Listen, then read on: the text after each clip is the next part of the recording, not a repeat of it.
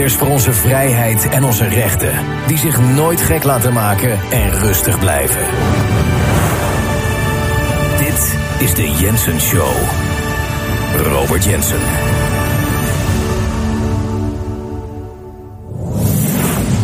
Ik haat censuur. Ik haat het als mensen gecensureerd worden. Ik haat het als mensen waar ik het totaal niet mee eens ben, als die gecensureerd worden. Ik haat het. Ik haat het als mensen waar ik het wel mee eens ben, gecensureerd worden. Ik haat het. Ik haat het voornamelijk als mensen daadwerkelijk niks verkeerds gedaan hebben en gecensureerd worden. Dat is het allerergste. Want als je al iemand de mond wil snoeren. Als dat al zou moeten. En misschien zijn er voorbeelden te vinden waarom dat zou uh, moeten en waarom iemand uh, te ver gaat. En ik, ik, kan er wel iets bij indenken, maar dat, is een, dat zijn extreme gevallen. En dat zijn duidelijk juridisch strafbare gevallen. Dan kan ik me indenken dat je iemand misschien niet het woord wil geven. Um, en dat is heel extreem. Dat, dat, is echt, zeg maar, nogmaals, bewijsbaar crimineel gedrag. Dan kan het misschien. Maar dus als je iemand censureert, moet je precies kunnen uitleggen waarom je dat doet. En het moet zo overtuigend zijn dat iedereen zoiets heeft van: ja, ja, ja, ja, dat begrijp ik. Dus de, de, de bewijslast is, het druk om het te bewijzen is zo groot. Je moet op iedere vraag een duidelijk en bevestigend en overtuigend antwoord geven waarom je iemand de mond snoert. En anders, als je dat niet kan en als je dat niet lukt, dan klopt je hele verhaal niet. Dan ben je bezig als een dictator dan ben je bezig als een tiran. Dan ben je echt bezig als een fascist. Want je snoert iets of iemand de mond.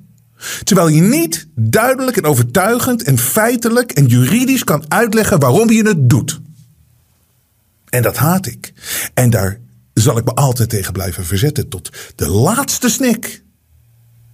Tot het laatste moment dat het kan. En laat ik nog eens eventjes het van een andere kant laten zien. Hè? Als je nou echt daadwerkelijk uh, ja, een soort van dictator bent en je wil uh, mensen bepaalde informatie niet meegeven. Of, nee, laat ik het zo zeggen. Als je nou heel zelfvertrouwd, eh, als je nou veel zelfvertrouwen hebt. Als je nou een, een, een zeer duidelijk en helder en eerlijk en in het leven staat. En je hebt een, zeg maar, zelfs als politici, je hebt beleid waar je echt helemaal achter staat. Want het klopt gewoon, hè? Het, klopt gewoon. En, en dan komt er dus iemand, die komt dan um, naar een demonstratie. En die gaat volgens jou klinkklare onzin uitspreken. Maar echt wat je eh, altijd belachelijk maakt, gekscherend zegt van ach, dit is een complotdenker die deze man heeft over reptielen. En dat, als je zo zelfverzekerd bent dat het zulke onzin is, wat je ook zegt, hè, van het is zo'n onzin, het is allemaal zo'n onzin. Waarom ga je dan niet lekker achterover zitten en denkt van oké, laat die imbeciel maar komen. Laat die gek maar komen. Laat hem maar daar staan voor. Nou ja, dat kunnen er misschien wel een aantal mensen zijn die het aan willen horen. Maar ja, het is zo'n onzin. Het klopt zo allemaal niet. Dus weet je wat? Praat maar over je reptielen. Want we zitten gewoon naar achter en we lachen de man uit.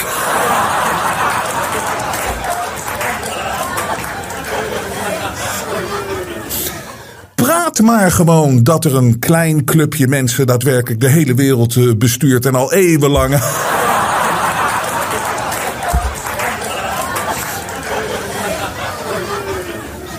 Zeg nou maar gewoon dat, uh, dat Kiona, dat dat niet het killervirus was. Dat het niet een enorme gevaar voor de volksgezondheid heeft, eh, blijkt te zijn. Want niemand gaat het toch geloven. Het is zo'n onzin. We lachen eruit.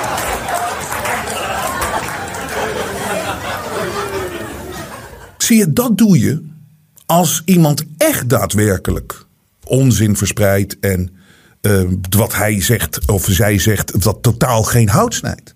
En wat ook helemaal geen voeten heeft in de realiteit.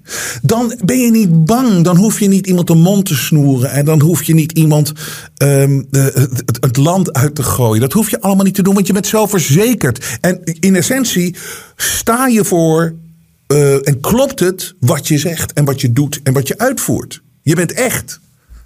En je hebt niks te verbergen. Je hebt niks te verbergen. Alleen mensen die wat te verbergen hebben, die moeten censureren. En die moeten mensen de mond uh, snoeren. Dus dat is de. Dus, dus je gaat. Want het laatste wat je gaat doen is iemand. Het, daarom is het zo dom. Ik denk altijd: kan het nog dommer dan wat we de afgelopen tijd hebben meegemaakt? En iedere keer kom je erachter: ja, het kan nog dommer. Dus het ding is gewoon, wat je doet als je iemand de mond snoert en als je iemand uh, die je niet wil laten spreken uh, censureert. Wat gebeurt er dan? Het is zo, 1 plus 1 is 2, het is zo 2 plus 2 is 4. Wat gebeurt er? Die man en die persoon krijgt zoveel aandacht. Dat wat je wil bereiken, dat niemand de boodschap hoort, dat het vermiljoenvoudigd wordt. Dus stel dat die man, die, uh, of, die, of in dit geval man, dat die komt praten en het is zo belachelijk en we lachen hem allemaal uit.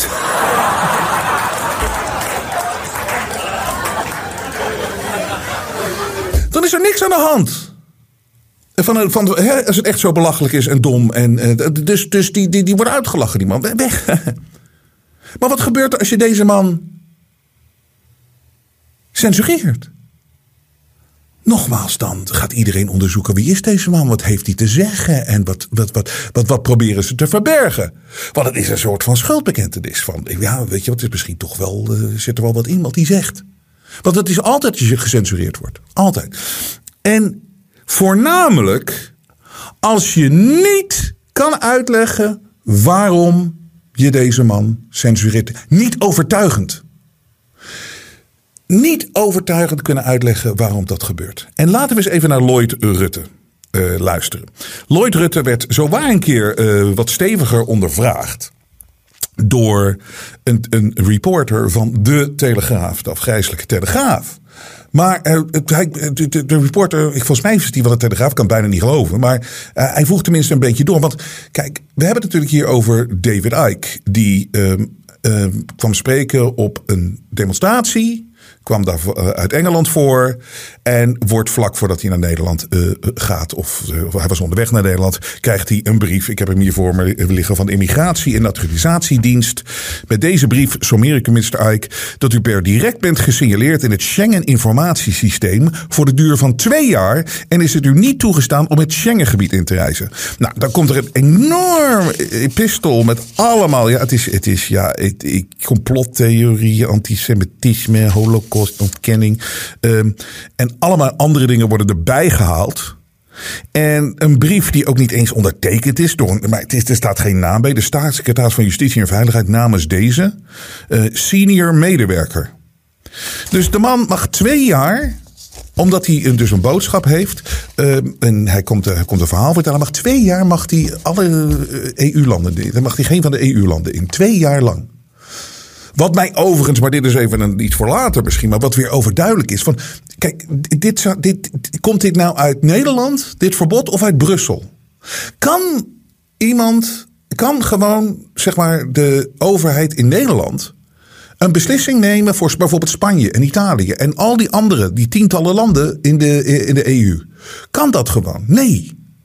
Dus het is overduidelijk dat dit centraal is uh, uh, geregisseerd vanuit Brussel. Die dat dan wel kan, want die hebben natuurlijk alle macht. Het geeft weer aan hoe wij overgeleverd zijn. En wat een illusie het is dat het allemaal nog vanuit Nederland gebeurt. Het kan niet zo zijn dat wij hier in Nederland. Dus zo, zo werkt dat helemaal niet. In Nederland kan je er geen beslissingen nemen over of iemand in Griekenland naar binnen mag. Of wat er gebeurt in Griekenland. Ik had niet, is niet één druk op de knop en, en, en er is. Er is, er is ik bedoel, misschien heeft deze man wel enorm veel business in Griekenland. En is het goed voor de Griekse economie en dat soort dingen. En, en dan kunnen we in Nederland op een knop drukken. Dat in Griekenland. De, maar sowieso dat het niet ondertekend is. Kijk, daar komen we zo wel op. De vraag is natuurlijk. Nou, het is wel overduidelijk. Dit is natuurlijk weer bluff. Lijkt me.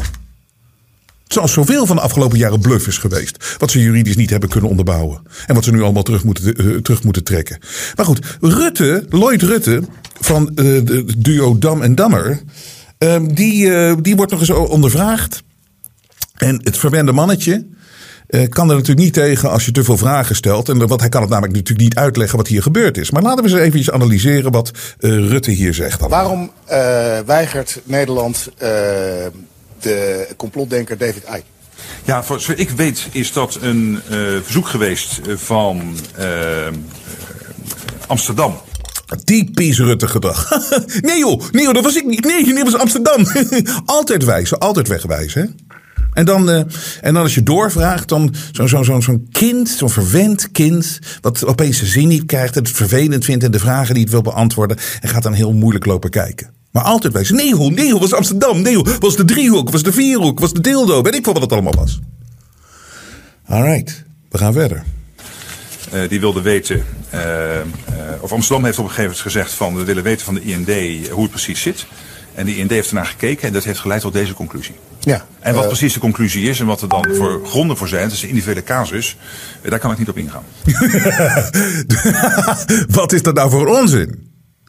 Wat is het nou voor onzin dat je er niet op in kan gaan? Dat we niet mogen weten waarom iemand gecensureerd wordt. Het is namelijk, en iemand mag niet spreken op een demonstratie. Wat natuurlijk in de grondwet staat. Maar dan zie je, dat maakt ze ook allemaal.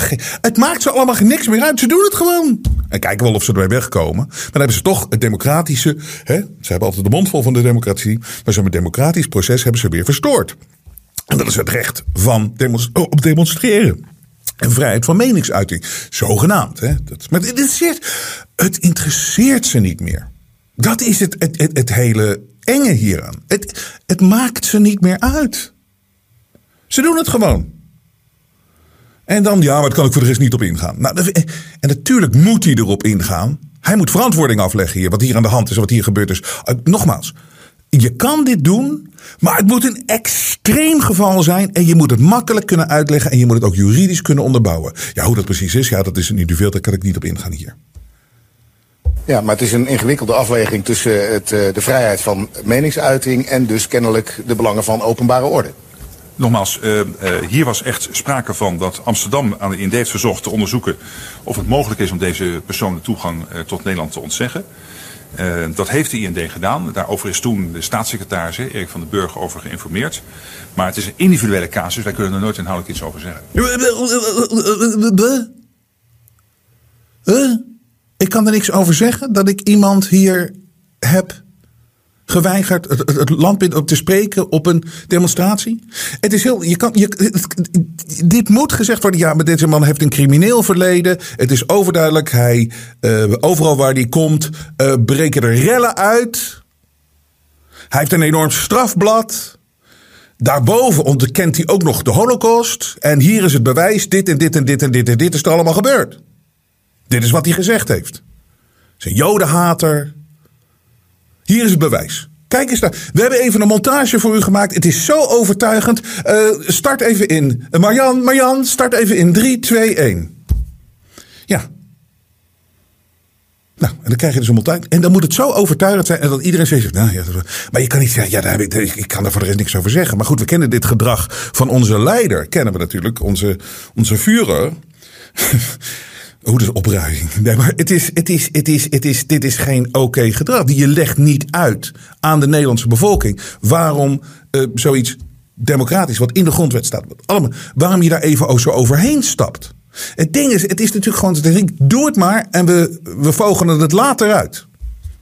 Het is hetzelfde als hoe Tony Blair, dat is ooit in een biografie naar buiten gekomen. Uh, Tony Blair tegen George W. Bush zegt: Val Irak maar binnen, wij staan achter je en we, we verzinnen later het verhaal wel. Of we gaan het later wel onderbouwen. Dit is het gewoon. Dat is die nieuwe techniek, zodat wij altijd op een achterstand zitten. En tegelijkertijd rommelen ze de boel weer bij elkaar. Ja, maar goed, Erik van den Burg, de staatssecretaris, die zegt: uh, er is in Nederland geen plek voor antisemitisme. Klopt. En complottheorieën, et cetera. Dus uh, zeker geen antisemitisme. Uh, maar dat is een algemene zin, een uitspraak die ik kan doen. Maar ik kan niet ingaan op wat precies de gronden zijn in dit geval. Want dat... En eh, wat zei hij nou? Complottheorieën en antisemitisme is geen ruimte voor. Oké, maar kom met bewijzen. Wat, en sowieso complottheorieën. Welke complottheorieën? Is een complottheorie als, als, als, als je zeg maar met je, met je, met je vrouw en je, je praat over je kind. Zeg, weet je wat, zeg jij tegen hem dat? Dan zeg ik tegen zijn zusje dat. Want dan krijgen we voor elkaar dat we op tijd naar bed gaan. Is dat een complot? Nee, maar wie bepaalt wat een complot is? En uh, dat, wederom moet heel veel dieper uitgelegd worden wat dan het gevaarlijke complotdenken is. En wat er ook niet klopt aan het complotdenken. En er moet onderzoek gaan. Je kan het niet zo wegwuiven met complottheorie en antisemitisme. Is geen, is geen, is, is geen ruimte voor. Wat is kritiek op, op het land Israël hebben? Ik bedoel, ik kan, ik kan uh, ik vind dat wel vaker. Ik kan een hele hoop Joodse mensen hier morgen interviewen die heel veel kritiek hebben op het land Israël. Is dat antisemitisme? Dus weet je, er zijn zoveel dingen, zoveel. Hoe makkelijker even wederom met onze rechten. Hoe dat weggewuifd wordt op een, op een, op een doodenge manier, zeg ik echt. Dat is echt individuele casus. Maar is de inhoud van wat iemand hier mogelijk gaat vertellen reden om iemand te weigeren? Nou ja, wat hier natuurlijk speelt bij Amsterdam ook is de zorg over de openbare orde en veiligheid. Uh, vanwege het feit dat uh, complottheorieën kunnen aanzetten tot onverdraagzaamheid en antisemitisme en ook haat. Uh, en uiteraard willen wij niet dat die antisemitische opvattingen van deze man uh, in Nederland worden verspreid. Maar goed, dat zijn allemaal politieke opvattingen. Juridisch is aan de orde uh, dat Amsterdam zegt, we willen gewoon weten. Oké, dat is wel een belangrijke. Dat zijn politieke dingen. Dus iemand kan, bij, politiek is in een vrij land. Je kan niet iemand om een politieke mening weigeren of het woord ontnemen. Ze proberen het altijd wel. En dit is een grote, grote fantasie. Kijk, als iemand iets zegt waar je het niet mee eens bent, politiek gezien. Ja, tuurlijk uh, fantaseer je wel eens over. Goh, ik wou dat hij altijd voor de rest van zijn leven zijn mijl houdt. Want het is vervelend als jij aan deze kant staat en die andere kant. Maar dat is juist wat we van elkaar moeten accepteren. Dat we het niet altijd met elkaar eens zijn, maar we kijken wel wie degene wie de meeste stemmen krijgt in een eerlijke, in een eerlijke verkiezing. Dus, maar politiek, oké. Dus hij zegt zelf van ja, politiek is dat er inderdaad niet te ontbouwen. Maar het was dan, dan gaat hij weer praten over de driehoek of de spiraal. Of hoe heet dat allemaal daar in Amsterdam. En die, die, vragen dan, die, die zijn dan zogenaamd zo bang. Omdat deze man, die overigens uh, nooit gearresteerd is geweest. Er is geen uh, demonstratie geweest wat uit de hand gelopen is waar hij gesproken heeft. De, nergens. Er is geen optreden geweest van hem. Er is niks. Er is nooit iets gebeurd. Dus dat wederom, het valt niet te onderbouwen. Is het mogelijk om die man te weigeren? Nou, op grond daarvan heeft de IND rapport uitgebracht van Van den Burg. En dat heeft geleid tot dit besluit. Maar nogmaals, ik kan niet op het concrete geval ingaan. In algemene zin kun je van alles zeggen wat ik net deed over zijn gedachtegoed. Ja, maar wat u nu zegt geeft al aan hoe ingewikkeld die afweging is. Want politiek kun je iets afwijzen, maar dat hoeft geen reden te zijn om iemand te weigeren. Kijk, dit vindt hij niet leuk. Hè? En dan gaat hij daar kijken als een, als, als, als een kind in de speelbak. En dan gaat hij stampen met zijn voet. Stel maar nou niet deze vragen. De laatste keer dat ik dat gedrag bij hem heb gezien, is toen Baudet hem in de Tweede Kamer vroeg naar het mortaliteitscijfer van Kiona. En toen vroeg, stelde Baudet een paar extra vragen. En dan zit hij hem echt zo uit te kijken van... hou er nou over op, het, het heeft toch geen zin. We gaan het toch gewoon deze kant op doen. Het maakt me geen reet uit of het klopt, ja of nee. Of het, of het voeten heeft in de realiteit. En of het de waarheid is. Dit is waar het naartoe gaat. Zo is het. Er zijn heel veel mensen in Nederland die ik uh, politiek niet mee, niet mee eens ben. En die ik niet weiger. Ja, hoe gek deze ideeën voor een hoop mensen ook kunnen zijn. Uh, toch is besloten hem te weren. Is dit dan geen glijdende schaal? Nee. Nee, hier zijn gronden voor en die zijn precies onderzocht. En Amsterdam heeft uh, gevraagd, onderzoek dat. Is het mogelijk om hem de toegang te weigeren? En op grond daarvan heeft de IND ernaar gekeken. Dat heeft geleid tot dit besluit. Nogmaals, daar kan ik verder niet op ingaan wat daar dan onder ligt. Maar in algemene zin kun je natuurlijk van alles zeggen over deze man en zijn, en zijn ideeën. Maar dat is een politieke opvatting. Zo, het risico... staat nog even los van, het formele, uh, uh, van de formele besluitvorming bij de IND. En dan gaat het dus om het risico op relletjes in Amsterdam. Ja, dat is ongetwijfeld een reden geweest voor Amsterdam om deze vraag te stellen, neem ik aan. Maar dat zou je bij de Amsterdam moeten checken. Ik ben weer een nieuw, nieuw, daar ben ik niks te maken. Oké. Nul juridische onderbouwing. Het politieke verhaal is gewoon theater. Met andere woorden, hij geeft ook al toe van ja, eigenlijk ja, als iemand iets zegt waar ik het niet mee eens ben, dat moet gewoon kunnen eigenlijk. Maar het kan dus in dit geval niet. Dus gaan we eens even kijken. Laten we eens beginnen met dat juridische verhaal of dit wel kan. Jan Brouwer, uh, hoogleraar recht en samenleving, die wordt hierover gebruikt. Die wuift dit helemaal weg. En ieder juridisch expert wuift dit weg. Dit kan niet wat hier heeft plaatsgevonden. Ja, meneer Brouwer, de, de, overheid kan meer doen om de pijn bij de Joodse gemeenschap uh, te voorkomen, zegt uh, meneer Loonstein. Ja, ik, ik, ik begrijp dat uh, dat die wens er is. Maar we hebben dan een keer het verbod van censuur in onze grondwet vastgelegd. En niet alleen in onze grondwet. Dat hebben we ook nog eens herhaald in de wet op de openbare manifestaties. Dus aan zo'n bijeenkomst als van aanstaande zondag, daar kan je gewoon niks aan doen. Dat, dat is een eeuwenoud principe, wat vastgelegd is in artikel 7 van onze grondwet. Het verbod van censuur. En ook daarvan zeg ik, dat moeten we vooral erin laten staan. Ja, ik kan het zeggen, dat moeten we zo laten. Dat, dat is dan Ja. een pech voor de Joden die gekwetst worden. Maar het, is niet wegen censuur. Het is dat eh driehoek kan ingrijpen en iets verbieden als de openbare orde in gevaar is. Nee, dat, ja, ik ken de theorie, maar ik ben toevallig hoogleraar openbare orderecht. Hè, maar dat wordt door een- geen enkele rechter geaccepteerd. Hè, dus het, het smoesje van, sorry hoor, met alle respect hoor, maar het, het, het, idee, het idee dat je de vrijheid van meningsuiting kunt eh, beperken op grond van verstoring van de openbare orde, ja, dat werkt gewoon niet in Nederland. En, Ja. Heel overduidelijk. Geen rechter geeft ook gelijk hier. En weet je wat ik van. Ik vind het prachtig om te horen, Jan Brouw. En hij is er heel duidelijk in en gedecideerd. Het enige is wat ik vind van de juridische gemeenschappen. of ook dit soort hoogleraren. Het, hebben zij niet door dat het gewoon allemaal plaatsvindt? En ze denken altijd: ja, het kan niet. Ja, maar het gebeurt. Moet u, waarom wordt er niet meer geschreeuwd vanuit de juridische hoek van wat er allemaal plaatsvindt op dit moment kan niet en mag niet? En waarom gebeurt het? Ja, omdat het ergens toe leidt. Maar laten we nog eens eventjes terug. Dus juridisch kan dit helemaal niet. Klaar. Punt. Achter. Dus dit is bluff en het, dit, dit zal geen stand houden. Dan het inhoudelijke. David Icke hij wordt beschuldigd van holocaustontkenning. Want niet antisemitisme, want antisemitisme is zo'n breed begrip geworden. Maar holocaustontkenning natuurlijk. eh, en dat is natuurlijk een, groot ding, weet je wel. Dat, dat, dat, eh, als deze man of als iemand de holocaust ontkent. Ja, dan zal ik het nooit voor deze persoon opnemen.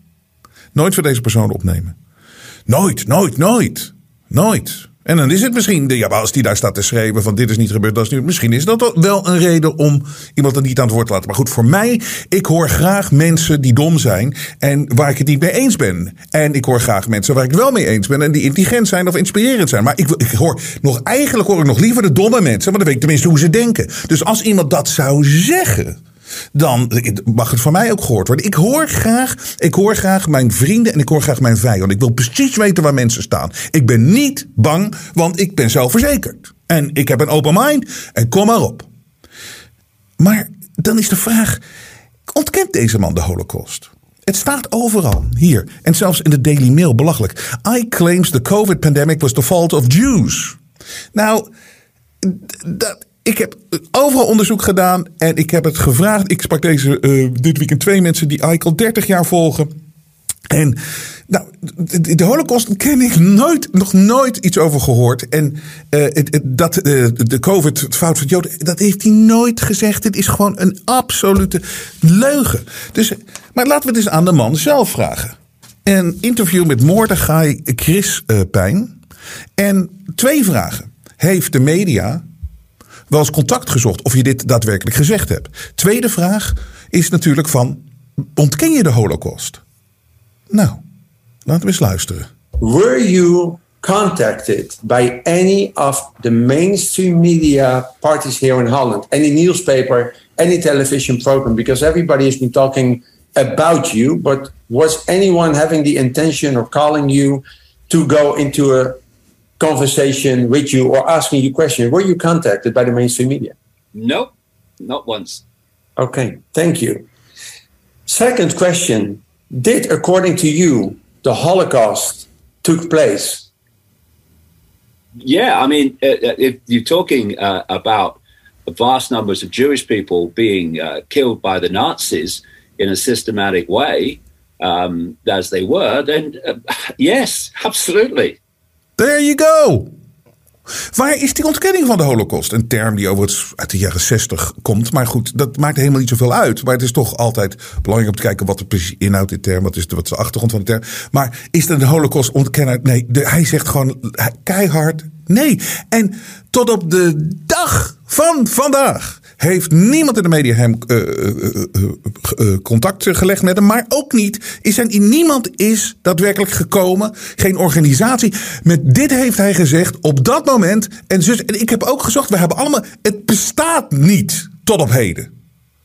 En als het Dus, dus als je daadwerkelijk zo'n stap zet om, iemand een holocaustontkenner uh, te labelen en hem dan ook het woord te ontnemen en dat hij niet uh, gebruik mag maken van ons democratische recht, on, onze grondwet.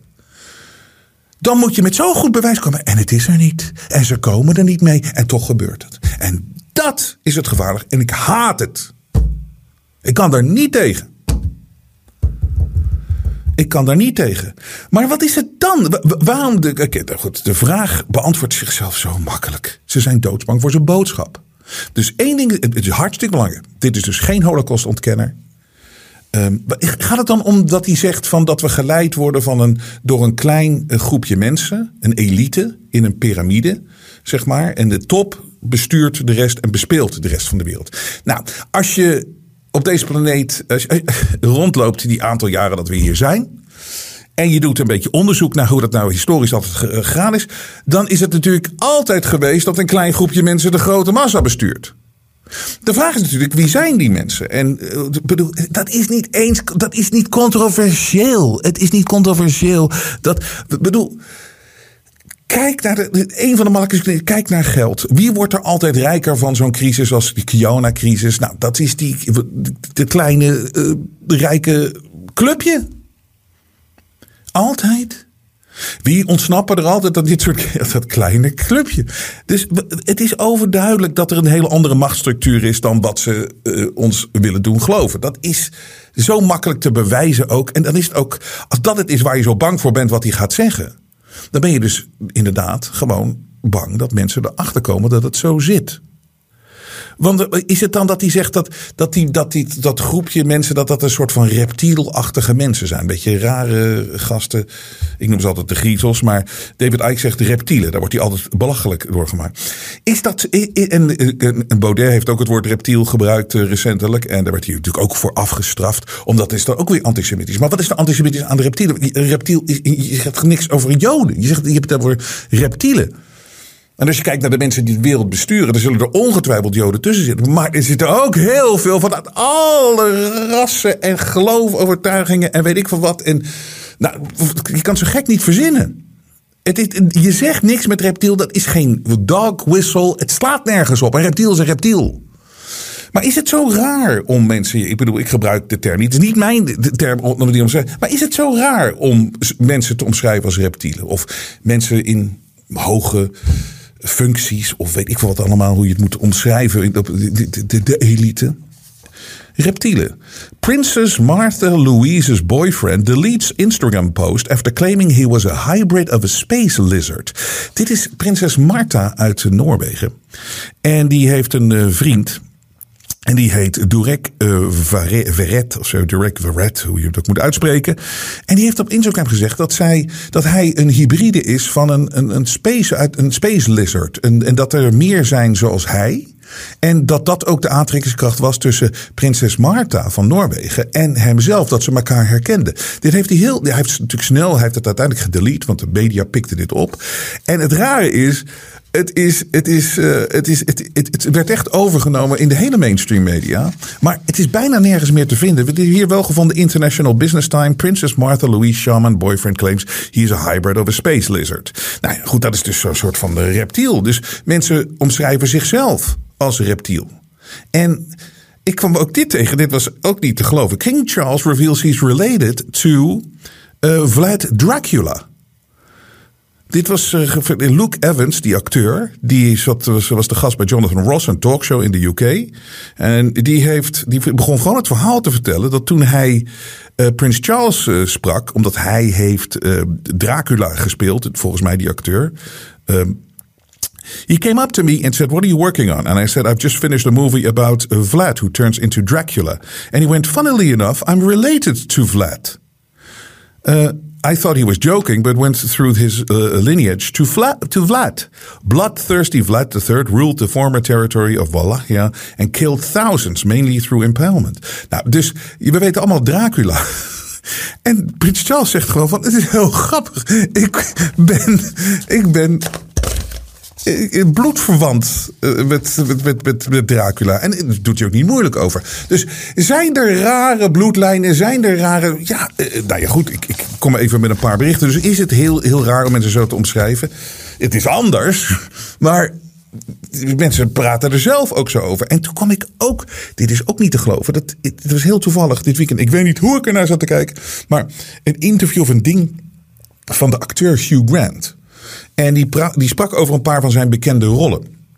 En acteurs zijn natuurlijk heel goed, en dat moeten ze ook doen, het bestuderen van mensen en trekjes. En eh, die hebben daar een goed gevoel. De beste acteurs, die kunnen dat goed en die kunnen zich dan, zeg maar, wegcijferen. En die worden dan iets anders. Maar het, is, het heeft ook te maken met een observatie.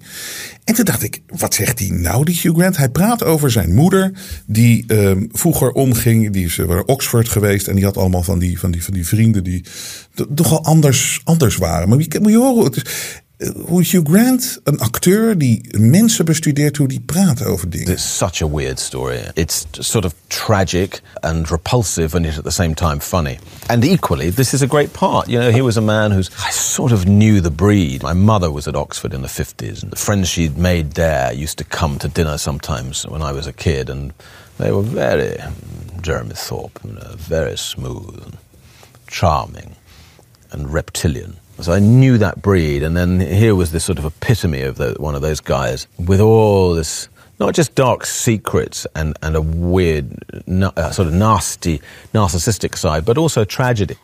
Dus hier is eh, een acteur die praat over het soort reptiel. En hij herkende reptielen-achtige mensen uit zijn verleden.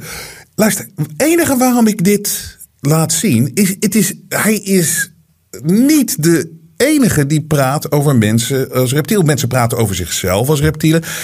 Eh, Prins Charles schaamt zich er niet voor dat hij, eh, dat hij, dat hij, dat hij een bloeddrinkende Dracula eh, ergens in zijn, bloed, in zijn bloedlijn zit. En, ik bedoel, het is, zo, het is anders. Je hoort het niet vaak. Maar als je gewoon een beetje oplet, denk je van gewoon mensen hebben het er toch vaker over dan dat je denkt. Dus, dus nogmaals, dat kan ook geen reden zijn om iemand te weigeren voor zoiets.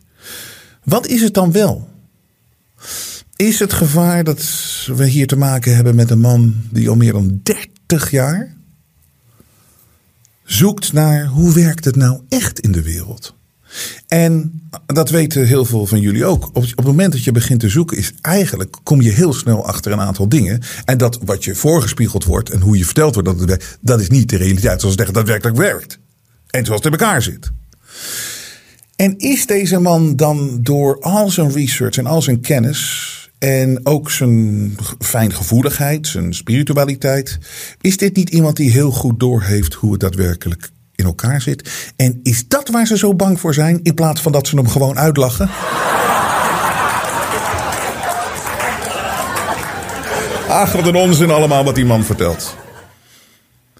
Maar laten we eens eventjes luisteren naar dingen die Ike al in de jaren negentig vertelde. You start by secretly creating a problem in the world and making sure someone else is blamed for it in the public uh, arena, in the public mind. It could be a run on a currency, it could be a government collapse. At its most extreme, it could be a war. Because the two world wars in this century were funded, all sides were funded by the same people. Provable. The same people that funded the Allies in the Second World War and funded uh, the Soviet Union also funded Hitler through loans from America, known as the Young Plan and the Dawes Plan, and also via the German subsidiaries of American multinational companies. Why would they do that? Why would someone want to fund all sides in a war? What is good is a war? Well, first of all, on one level, it makes vast amounts of money if you're lending money to all sides and you're also um, selling them lots of arms and all that stuff. But the fundamental reason for a war is to change the nature of post-war society. And what we saw in the First World War and the Second World War were massive global examples of problem reaction solution. We are looking at a gigantic contrick before our eyes. We don't live in a democracy in this country or in America or in these other places. We live in a one-party state where the same force from the peak of the pyramid string pulls all sides.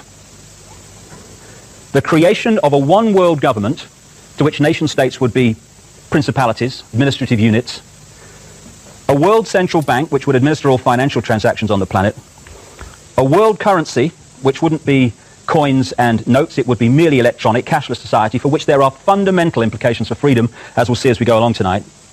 a world army under centralized control with nation state uh, armies uh, dismantled under the uh, justification of seeking peace, and a microchipped population linked to a global computer, the latter of which sounds bizarre to many people on first hearing, except that we are ridiculously close to it and the technology already exists. So World Health Organization says there's going to be a measles epidemic next year. Get vaccinated. Get your children vaccinated. You're a bad parent if you don't. Then the same people that organize that then start flogging out the vaccine and make a fortune out of it. So if we take one element of that under problem reaction solution, it's amazing the extent to which we have given our power away, our spiritual power. It's all about taking our power back. Because once we do that, it's all over. Dit is jaren 90, vanaf de jaren 90. Hij sprak over microchipped population hooked up to a computer. Artificial intelligence. Ach, dit klonk. Een jaar geleden werd je nog verketterd als je dit zei. Maar als je dus vanaf de jaren 90 al door hebt dat dat het plan is. En, ehm, en, en dat ziet. En dan zie je nu allemaal dingen. Ik heb hier een. eh, Ik kan het vandaag niet behandelen. Maar dit weekend. Ik kreeg een tip van iemand dat eh, bij een kinderprogramma op de NPO. Eh, hier, oh dit. Dat denk ik, ik zal het eh, woensdag behandelen. Hier.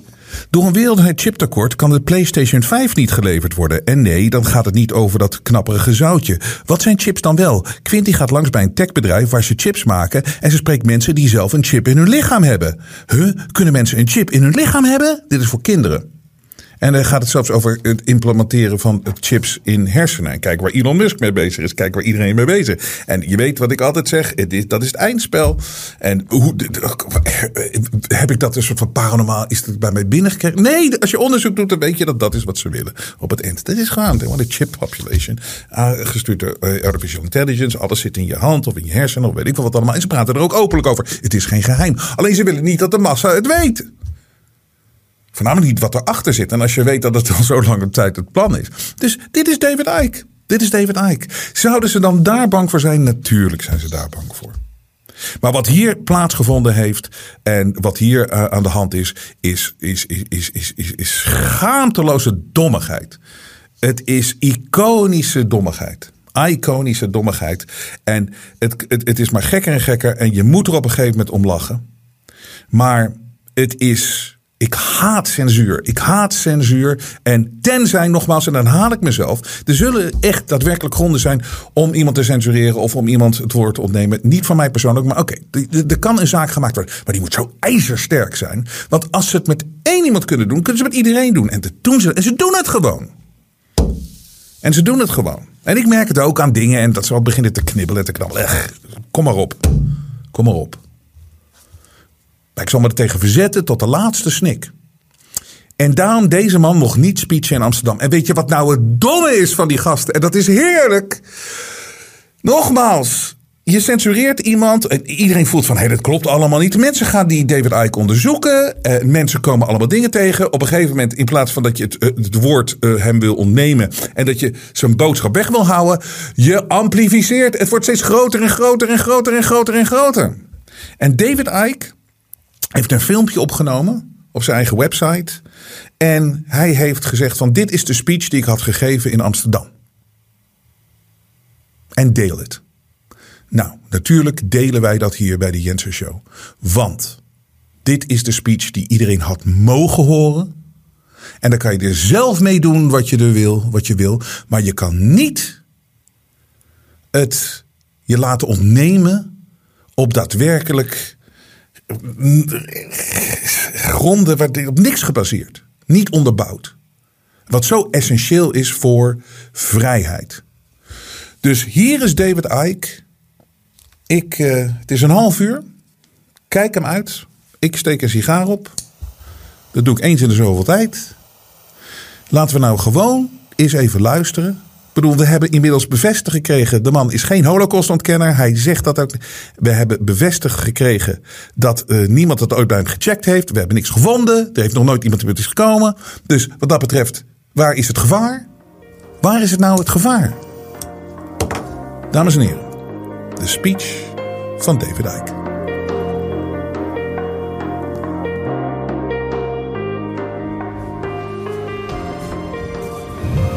Hello! Was it something I said? I do hope so. My God, my bloody God, the world is insane. And anyone here who has had their minds downloaded in the last two weeks by the state's version of me, well, there's really no hope for you until you choose, and it's your choice, to take your mind back and own it yourself. Tell me what to think, Mr. State Authority. It's pathetic, and it's the reason this world is moving so fast into global fascism. It is you who give your minds to the fascists that allow this to happen. We're anti fascists. Where were you when Rutter's fascism was being imposed in the COVID lockdown? Imposed by the brutal riot police in their fancy dress. Where were you? Oh, yes, Mr. Rutter. No, Mr. Rutter. I won't go out, Mr. Rutter. Oh, there's naughty people questioning you. My God. It's like living in a kindergarten. So, anyone here of that mentality, I'm not talking to you because there's no freaking point. So, I will address the rest of what I've got to say to those here with a mind of their own that they are prepared to use. Those who can see what the mindless, moronic people who've brought this ludicrous situation about of me being banned by 26 countries just because I was asked to speak at a peace rally for half an hour. My God, anti fascists, anti haters, with hate where your heart should be, claiming you are against hate. So, enough of wasting my breath, my vocal cords with you. And I shall address instead those who do have a mind in working order. Those who stood up to the rutter fascism in the COVID lockdown and paid the price from the brutal people in fancy dress. Those that can see, like the farmers of the Netherlands, who can see in stark reality with the impositions and destructions of their lives and livelihoods what living under Rutter fascism feels like. We must not just talk about freedom. We must live it and live it by ceasing to cooperate with that which is by the hour now destroying freedom. And I'm going to talk about how current events have reached where they are and why they are happening. Put into context why the farmers of the Netherlands are being so ruthlessly targeted by this cult operative Rutter and his mob. For the last 32 years, I've been working full time. I've traveled to 60 odd countries, unraveling this reality and asking the question, answering the question who and what is running our world and to what end? And I realized that you can go back to ancient Babylon and ancient Sumer in what we now call Iraq. And you can pick up, you can go back further, but you can certainly pick up there the emergence of what I call today the global cult. Wasn't global then, as it is now. And this cult moved out of Babylon and into becoming the Roman Empire. And through the expansion of Rome, it went into Northern Europe and eventually set down, as it did in Rome with the Vatican, it set down its roots and its centre of operation in Britain, particularly London, but also other European countries too. And this is why the British Empire became so vast. It was said that the, the sun never set on the British Empire. There was the Dutch Empire, the Spanish Empire, the French Empire, the Belgian Empire, and these were all actually cult empires. And the goal all along has been to expand the power of this cult by centralizing power and decision making to the point where it becomes the global overlord of every man, woman, and child in every community on planet Earth. So we had the mass colonization of the world out of Europe and Britain. And then we had this sleight of hand, this fakery, when it appeared that the European powers withdrew and set their colonies free. But that is not what happened. Instead, the cult left out in those countries the secret society network and the bloodline families through which it operates, controls, and manipulates. And it's gone on controlling those countries ever since. And then we had this phenomenon called globalization. And what is that? The centralization of power globally in every area of our lives. And this has gone on and on to the point where it is now this global cult, a literally global operation. And it's a simple equation. The more you centralize power, the more power you have to centralize even quicker.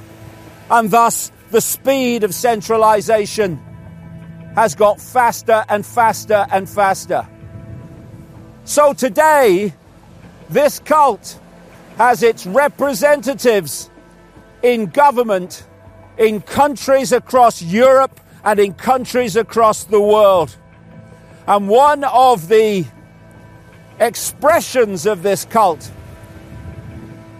is something called the World Economic Forum of Klaus Schwab, the mate of Gates and all the other members of this mafia mob. And so, Mark Rutte, Prime Minister of the Netherlands, is an asset of the World Economic Forum. He runs your country for the agenda of Klaus Schwab, who runs the World Economic Forum for the agenda of the global cult. And your royal family, the House of Orange, is up to its bloody neck in this. A head of state decided by bloodline in 2022. The same in my country. It is insane. Oh, democracy. Oh, shut up. Democracy. Not when you have a head of state chosen by who had sex with who in what order. So Rutter is not running the Netherlands for the people of that country. He's running it for the World Economic Forum. And Schwab set up a operation called the Young Leaders School where he picks up those that control him pick up potential leaders, i.e., thoroughly corruptible people, to be the leaders of countries to impose this global great reset that he talks about, the transformation of human society into a global fascist dictatorship. Now, who's been through that school? Justin Trudeau, the fascist leader of the now fascist Canada. Macron in France, ditto. Ardern in New Zealand. Newsom, the governor of California, who's turned California fascist since the COVID era. These people are in place to impose a globally dictated agenda on the entire world. So, what is that agenda? It's to create a structure of society in which the tiny few at the top of the pyramid, people call it the 1%, in fact, it's a lot less than 1%, have total control over the population of the world at the bottom of the pyramid. And in between that elite and the population is designed to be, and my God, the fancy dress people showed us what was planned in the Netherlands.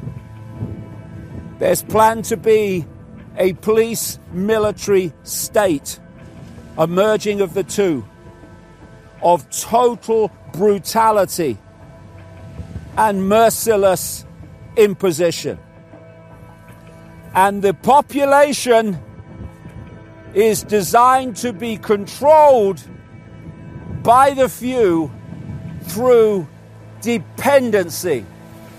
Dependency on the few for survival. How do you bring that about? What you have to do is destroy the access to an independent income of the population. So that is what lockdown was really about.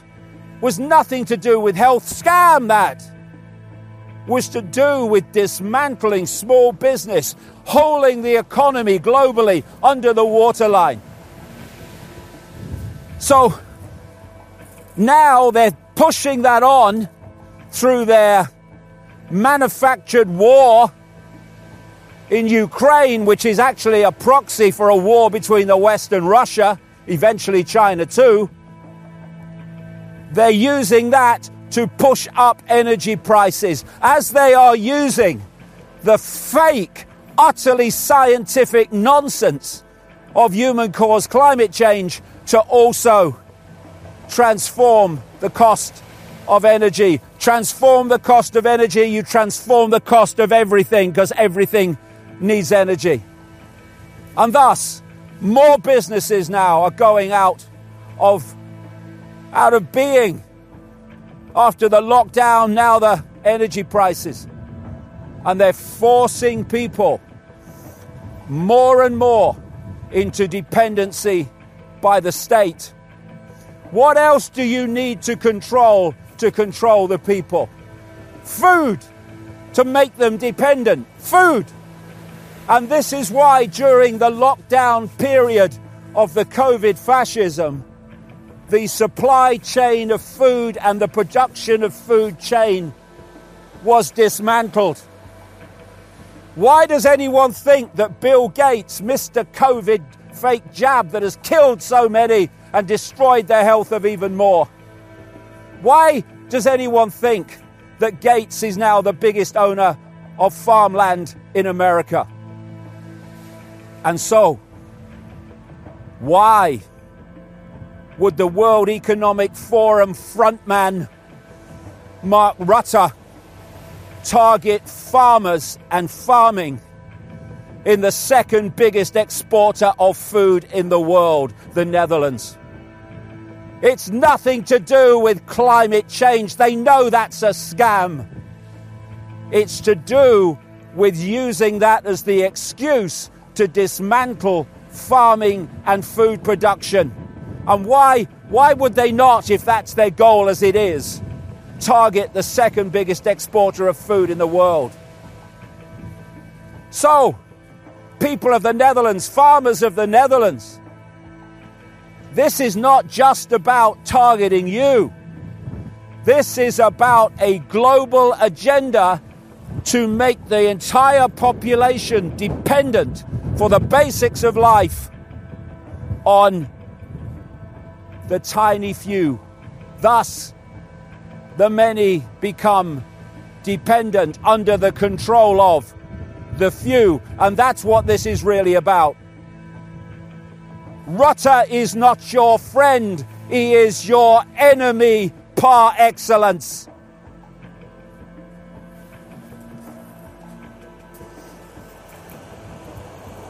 So,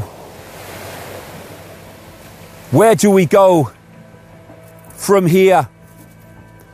Well, the moronic people who long ago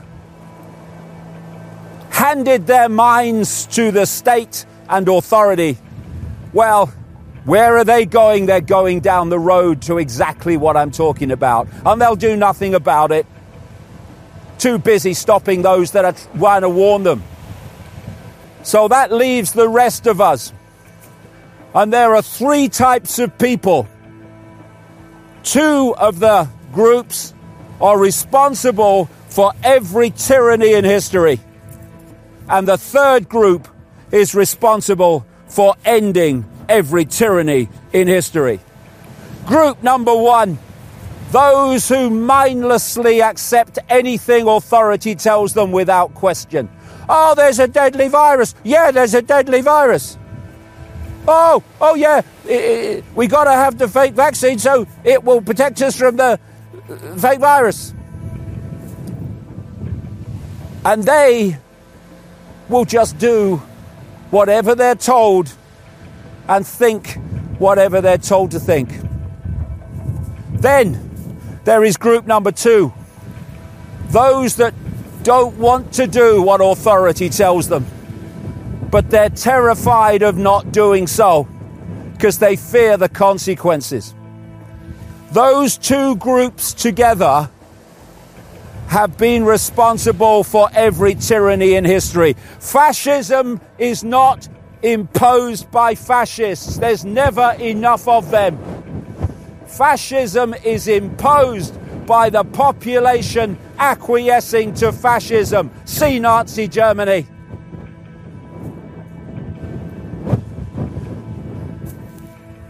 So if anyone says, well, what can we do? Well, you can get off your bloody arse, stiffen your backbone, and stop being a bloody wimp. There's a start. Look your children and grandchildren in the eye and tell them what you were doing when fascism was introduced. Oh, I was keeping my mouth shut. Or, even worse, I was trying to get that David Icke bloke banned who was warning us about it. And then there's group number three that has ended every tyranny in history. The true renegades of this human family.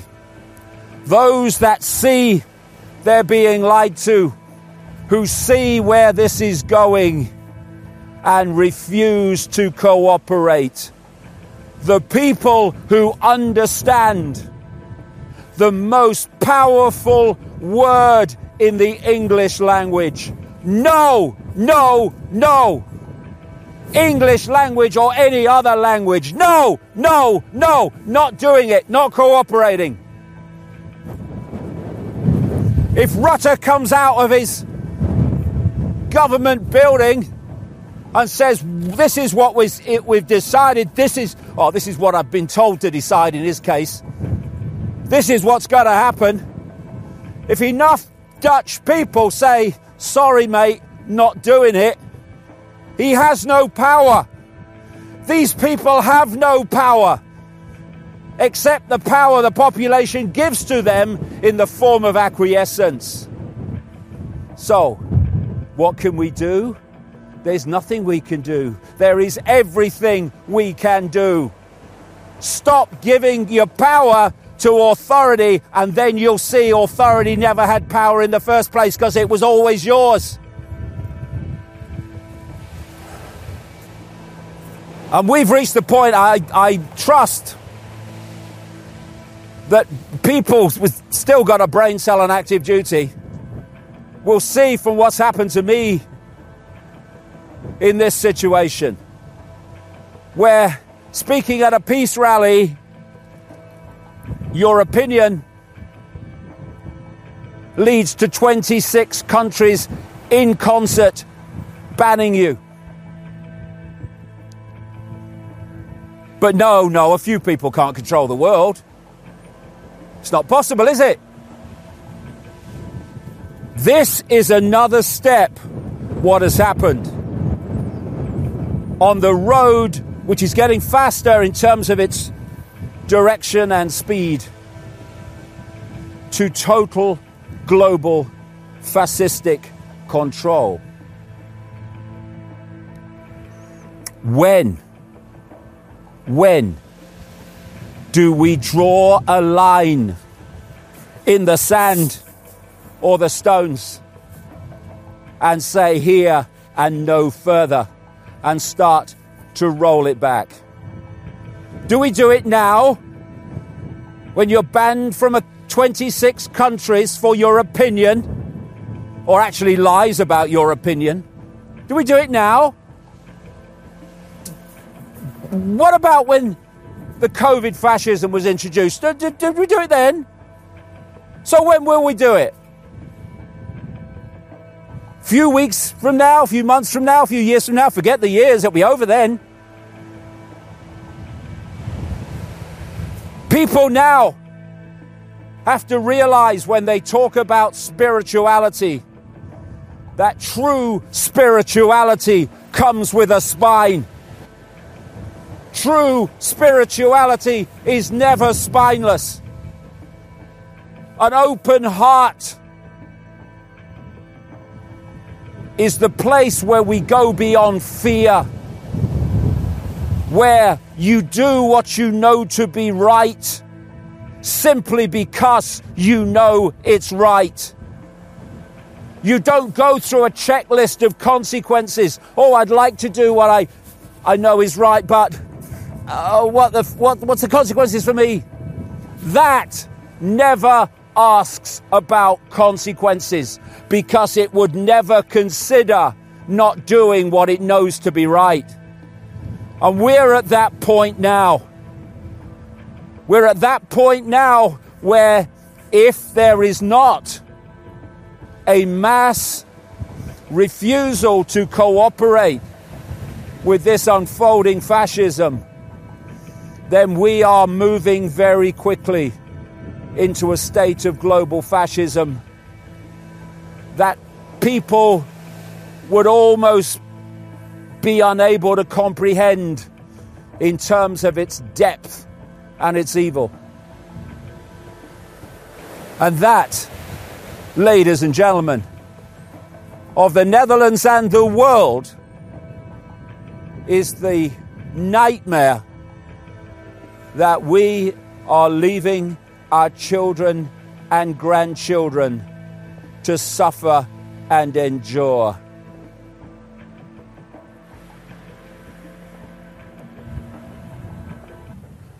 Freedom is not just a word, it's not just a platitude, it's something that has to be lived.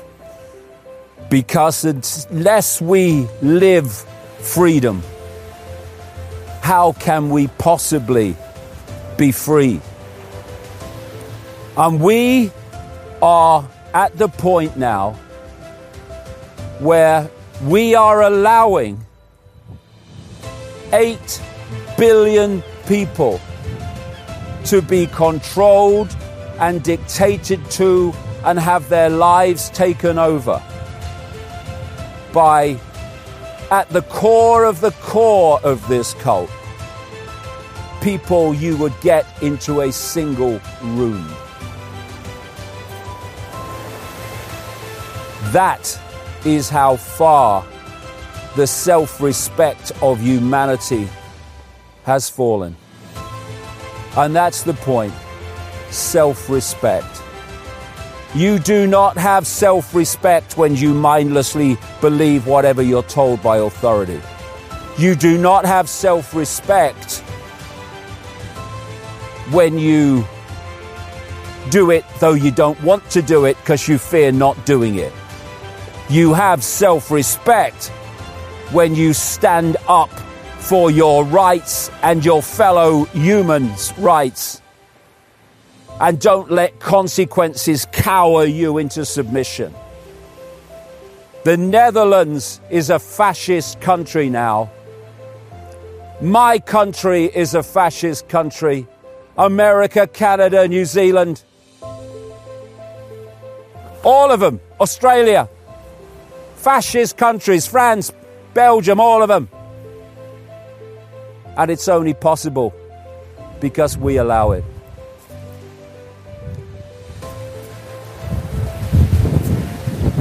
I spent a lot of time once with a great friend of mine in South Africa called Credo Mutwa. A wonderful, wonderful man who saw what was happening in the world and knew the history of it. And he said to me once, Mr. David, you are a lion. The world needs lions. Yes, it does, like never before. It's time to be a lion and not a sheep. It's time for humanity to roar! No, no, no, no more fascist dictatorship.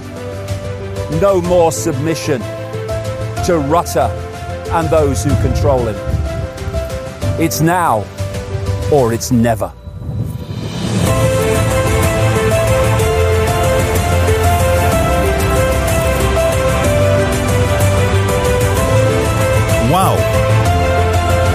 Dit is dus de speech die ze je ontnomen hebben. De man heeft helemaal geen crimineel verleden. Hij is nog nooit gearresteerd geweest. Er is nog nooit, nogmaals, er zijn er nooit rellen uitgebroken naar aanleiding van zijn speech. En daar zijn ze misschien het meest bang voor. Dat je luistert naar de boodschap en wat je te zeggen hebt. Nou, dit was het. Spiritualiteit heeft altijd ruggengraat nodig. Wat een krachtige uitspraak en wat een waarheid. En het mooie is van deze hele periode, deze hele tijd. Er gebeuren zoveel onterechte dingen, maar in essentie zijn ze zo dom. En het heeft gezorgd voor een wakker worden van mensen. Het heeft gezorgd dat we een, een, een, lastige tijd meemaken. En nog gaan meemaken. Maar dat we sterker zijn dan ook. Die ruggengraat is sterker dan ooit. De spirituele ruggengraat is sterker dan ooit. En nogmaals, ik eindig zoals ik begin. Ik haat censuur. En ik zal altijd blijven vechten voor de vrijheid. En ik ben echt niet de enige leeuw. Echt niet. De media toont zijn ware gezicht. Maar Robert Jensen buigt voor niemand. Steun het echte geluid via jensen.nl en wees onderdeel van de vooruitgang.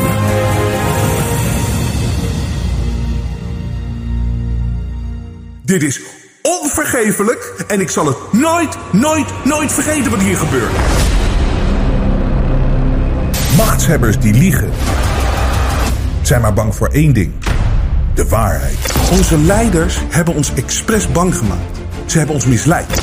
En de waarheid onderzoeken we hier bij de Jensen Show en dragen wij uit. Iedereen die denkt dat ik overdrijf, wordt wakker! En dit kunnen we alleen doen door onafhankelijk te zijn. We hebben geen adverteerder. Wij hebben geen subsidie van de overheid. Zegt één politicus geeft enige indicatie wanneer dit voorbij kan zijn. We hebben geen bemoeizuchtige zenderbazen boven ons met politieke agenda. De media heeft zijn ware gezicht laten zien. Wij zijn echte onafhankelijke media. En dat kunnen we alleen blijven doen door steun van jullie. De waardering voor wat wij hier doen laat ik bij jullie. Als je klein wil steunen, is dat perfect. Als je niet wil steunen, is het ook goed. Als je groot kan steunen, is het helemaal fantastisch. Maar het is wel de manier om ons in de lucht te houden. Zolang jullie waarderen wat ik hier aan het doen ben, blijf ik doorgaan. Ik geef nooit op.